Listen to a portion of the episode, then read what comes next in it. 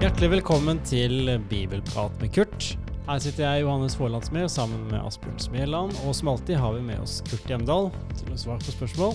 Og i dag så er det Matteus kapittel 11 som står for tur.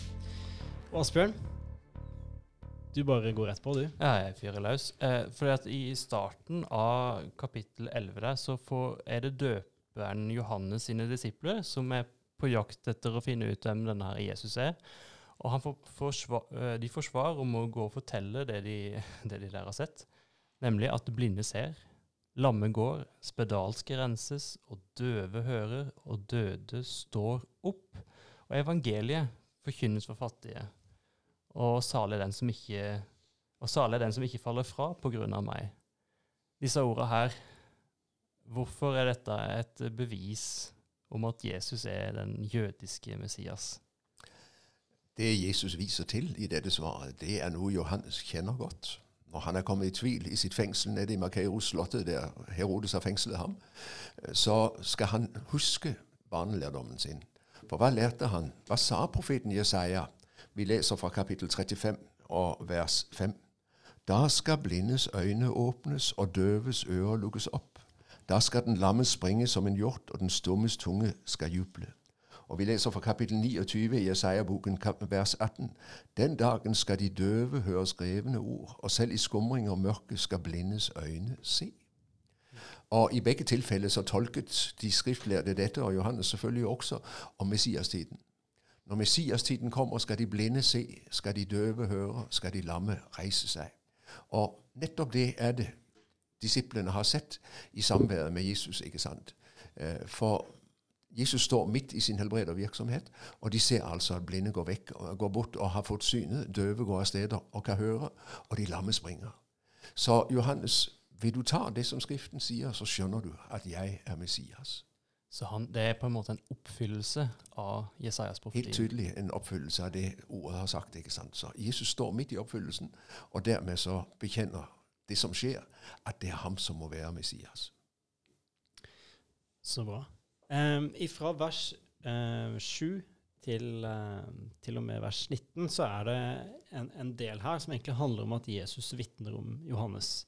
Og her er det etter min mening egentlig ganske mye som er, kan være vrient å forstå, for det er veldig mye um, litt sånn rar, rar, bildebruk her, og det er ganske mye referanser um, til historiske ting i, i jødenes historie som kan være litt sånn eh, vanskelig å, å plassere.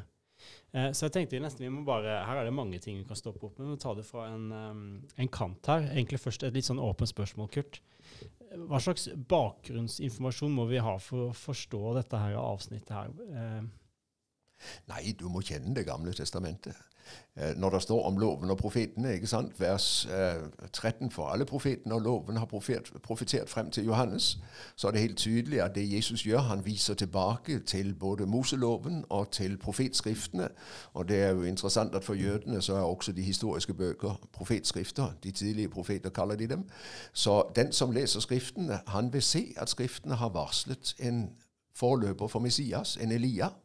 Det siste verset i Det gamle testamentet, i Malaki 4, taler om at før Herrens dag så skal Elia komme. Og det Jesus nå sier, det er vers 14, om dere vil ta imot det. Han er den Elia som skulle komme. Eh, Johannes døperen han oppfyller løftene om forløperen for Messias. Men dermed er det også sagt Jesus er altså den Messias som skulle komme. Og det, Johannes, det Jesus taler om i dette avsnittet, det er hvem er Johannes døperen? Johannes døperen han er ikke en av dem som lar seg lede av folkemeningen. Han taler det Guds ord og sier han er ikke et siv som sveier i vinden.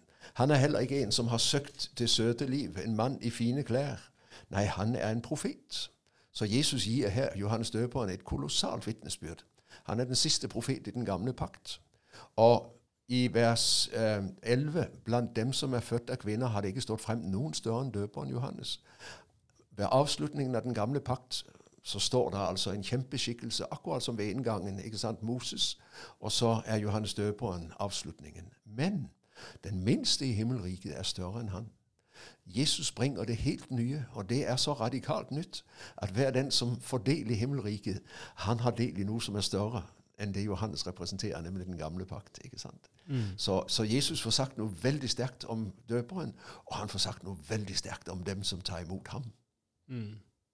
Og han får kanskje også sagt noe om hvilken eh, måte, Når himmelriket kommer, hvordan det står, hva slags størrelsesforhold det er her. da. Ja, mm. det er det helt nye, og det, det, det store og store. Alt det andre er bare skygger. Varsler, ikke sant. Men nå er selve saken. Så er det et vers som jeg i hvert fall syns er veldig vanskelig å forstå, og jeg har hørt ulike, kanskje enda rarere tolkninger av det. Det er i vers 12. Eh, fra døperen Johannes dager og like til nå trenger himmelriket seg frem, og de som trenger på, river det til seg. Det, hva er det i all verden? Ja, det er vanskelig. Det er vanskelig. Det er et av de store crux i Matteusevangeliet. Lukas gjengir dette verset, og ut fra Lukas så kan det godt forstås positivt om dem som på en måte virkelig satser alt for å få tak i riket. Her i Matteus 11, når du leser grunnteksten og det som står, så tror jeg en bedre oversettelse er som følger. Fra døperen Johannes dager like til nå, eh, så er himmelriket gjenstand for vold eller for angrep. Og voldsmenn søker å ta det. Altså, det er noen som bør ødelegge Guds rike. Mm. Og Derfor tror jeg at dette ordet i Matteus det er ikke et ord om dette at mennesker positivt prøver å rive det til seg, men det er et ord om motstanderen, djevelen, og dem som går hans ærend og prøver å ødelegge Guds rike. Eh, så når jeg har arbeidet med dette verset og undersøkt uh, oversettelser på det, uh, så er det helt tydelig at de mest troverdige oversettelser de understreker fra døperen Johannes dager like til nå, så er det noen som prøver å ødelegge himmelriket med vold, mm. og de som angriper ja, de river det til seg. De vil, de vil prøve å rive det ned.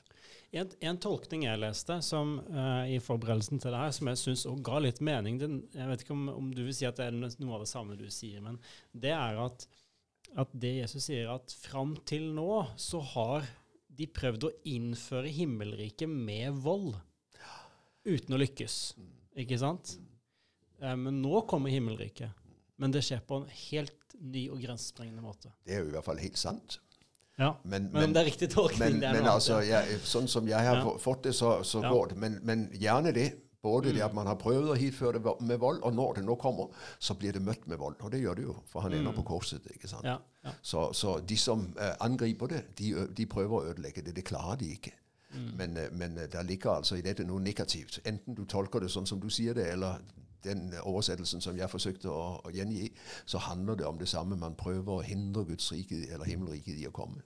Mm. Mm. Og så kommer vi til en sånn eh, videre i kapittel 11 der. Eh, litt vanskelig kanskje passasje, der Jesus begynner å refse byene der han har gjort de, de fleste, fleste, mektige gjerningene. Mm. Og hva, hva er greia her? Er det liksom dommen nå, eller er det hva, hva skal det bety? Ja, det er helt klart at her er, møter du for en måte Jesus som domsforkynner. Og han sier altså at disse byene de kan, de kan ikke vente noen lystelig skjebne på dommens dag, fordi de har avvist sin Messias. Akkurat som når Jesus gråt over Jerusalem. Visste du blott på denne din dag, nå er det skjult. Og så skal det komme dager da du ødelegges. ikke sant? Så, så dommen den ligger der side om side med evangeliet. Eh, Guds rike står åpent, men der du ikke vil ha det, der rammes du av Guds dom. Og fordi eh, Kapernaum og Betzaida og Korasin har hatt ham midt iblant seg Det hadde ikke Tyros og Sidon, det hadde ikke Sodoma og Gomorra. Derfor skal på dommens dag de bli behandlet bedre enn dere, for, for deres ansvar er mye større. Mm. Å møte Messias selv, og så vende ryggen til ham, det er håpløst. Mm.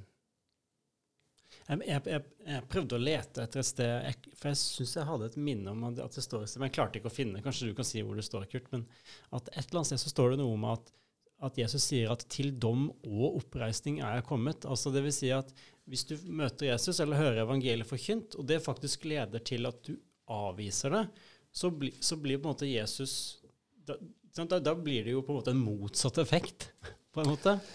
Skjønner du hva jeg mener? Ja, jeg tenker det kanskje kan være Lukas 12. Ild er jeg kommet for å kaste på jorden, hvor gjerne jeg ville den alt var tent.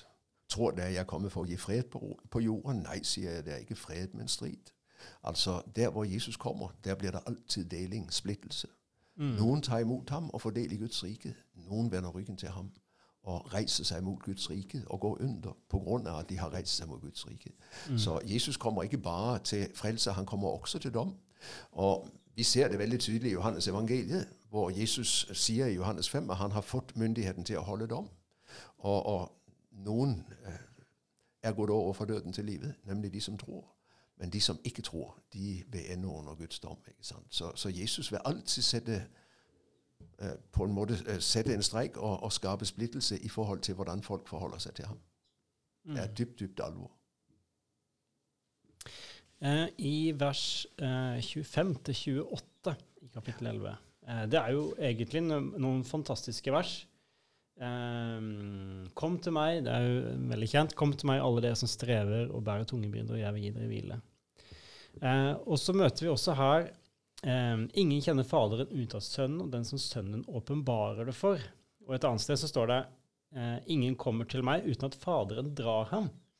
Og etter sånne vers så kan man jo tenke eh, hvordan kan Gud da bebreide de som ikke tar imot de gode nyhetene om Jesus? For da kan man jo innvende og si ja, det er jo tydeligvis av Gud som ikke drar med nok.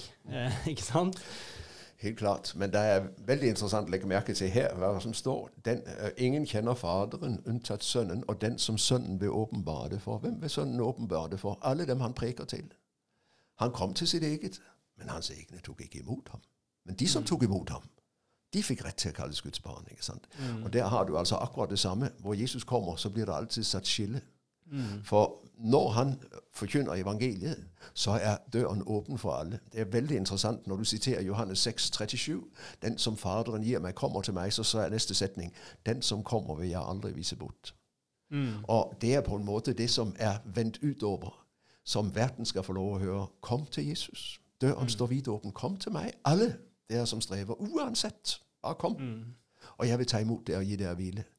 Men nøden er at så mange sier nei takk. Vi har ikke behov for deg. Vi skal klare oss selv. Og dermed så avviser de Jesus og stiller seg utenfor den frelse han kommer med. ikke sant? Så da vil det i etterkant vise seg hvem som tok imot evangeliet. Alle de som Faderen gir meg. Og det er den visshet du og jeg skal ha når vi har tatt imot evangeliet. Det var ikke tilfeldig. Gud var der. Men han var der egentlig også for naboen, men naboen sa nei. Og derfor ble han altså ikke en av dem som Faderen fikk gitt til sønnen. For han ville ikke ta imot den frelsen Gud rakte ham. Mm. Så jeg tror det vi må få lov å si til verden det er, og til mennesker, det er kom. Alt er Mm. ferdig. Mm. Men samtidig så vil vi oppdage om igjen og om igjen at altfor mange sier nei takk og vil ikke. Og det er det forferdelige ansvaret de står med, at de har mulighet for det. ikke sant? Og da hjelper det ingenting. Så Mm. Faderen får ikke gitt dem til sønnen, for de vil ikke la seg frelse. Mm. Så Jesus ja, han sier, han sier til alle Ja. 'kom til meg', Ja. og så er det et mysterium.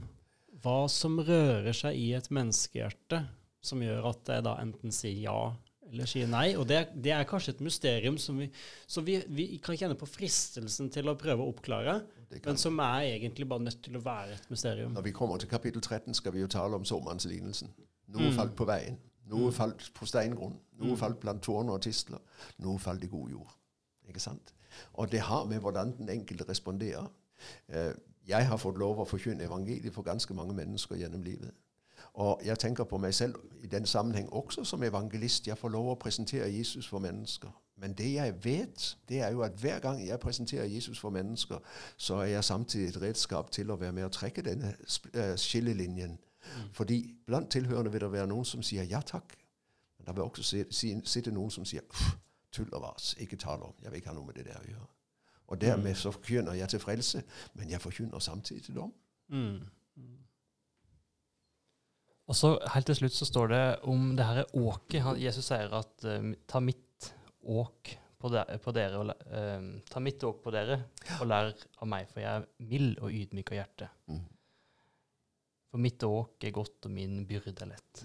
Åk er kanskje litt sånn for, uforståelig. Eh, kan du forklare kort hva det, Ja, ja. hva det betyr? Eh, når du skal bære noe, i gamle dager når man skulle bære to bøtter med vann, så hadde man et treåk som man la over nakken. Det var formet etter nakken. Og så var det en snor på en hyssing eller en krok på hver side som man kunne helle bøttene i. Og så fordelte man byrden av disse to bøttene slik at det ikke ble altfor tungt. ikke sant? Fremfor å bære det i hendene. Det ble altfor tungt. Så du la vekten på skuldrene, akkurat som afrikanske kvinner som går alt med alt på hodet istedenfor å gå med det i hendene. ikke sant? Så det handler om å bære på en klok måte. Og Fariseerne talte om sin lære om loven som deres åk. Lovens åk det var et vanlig uttrykk i Israel på Jesu tid. Så tilhørende visste om dette å gå inn under loven og bære lovens åk. Og så kommer Jesus altså og tilbyr et annet åk som er mye lettere å bære. Ta mitt åk på dere og lær av meg, så skal dere finne hvile for deres sjel. Du finner hvile når du kommer til Jesus ved at du leser av på ham.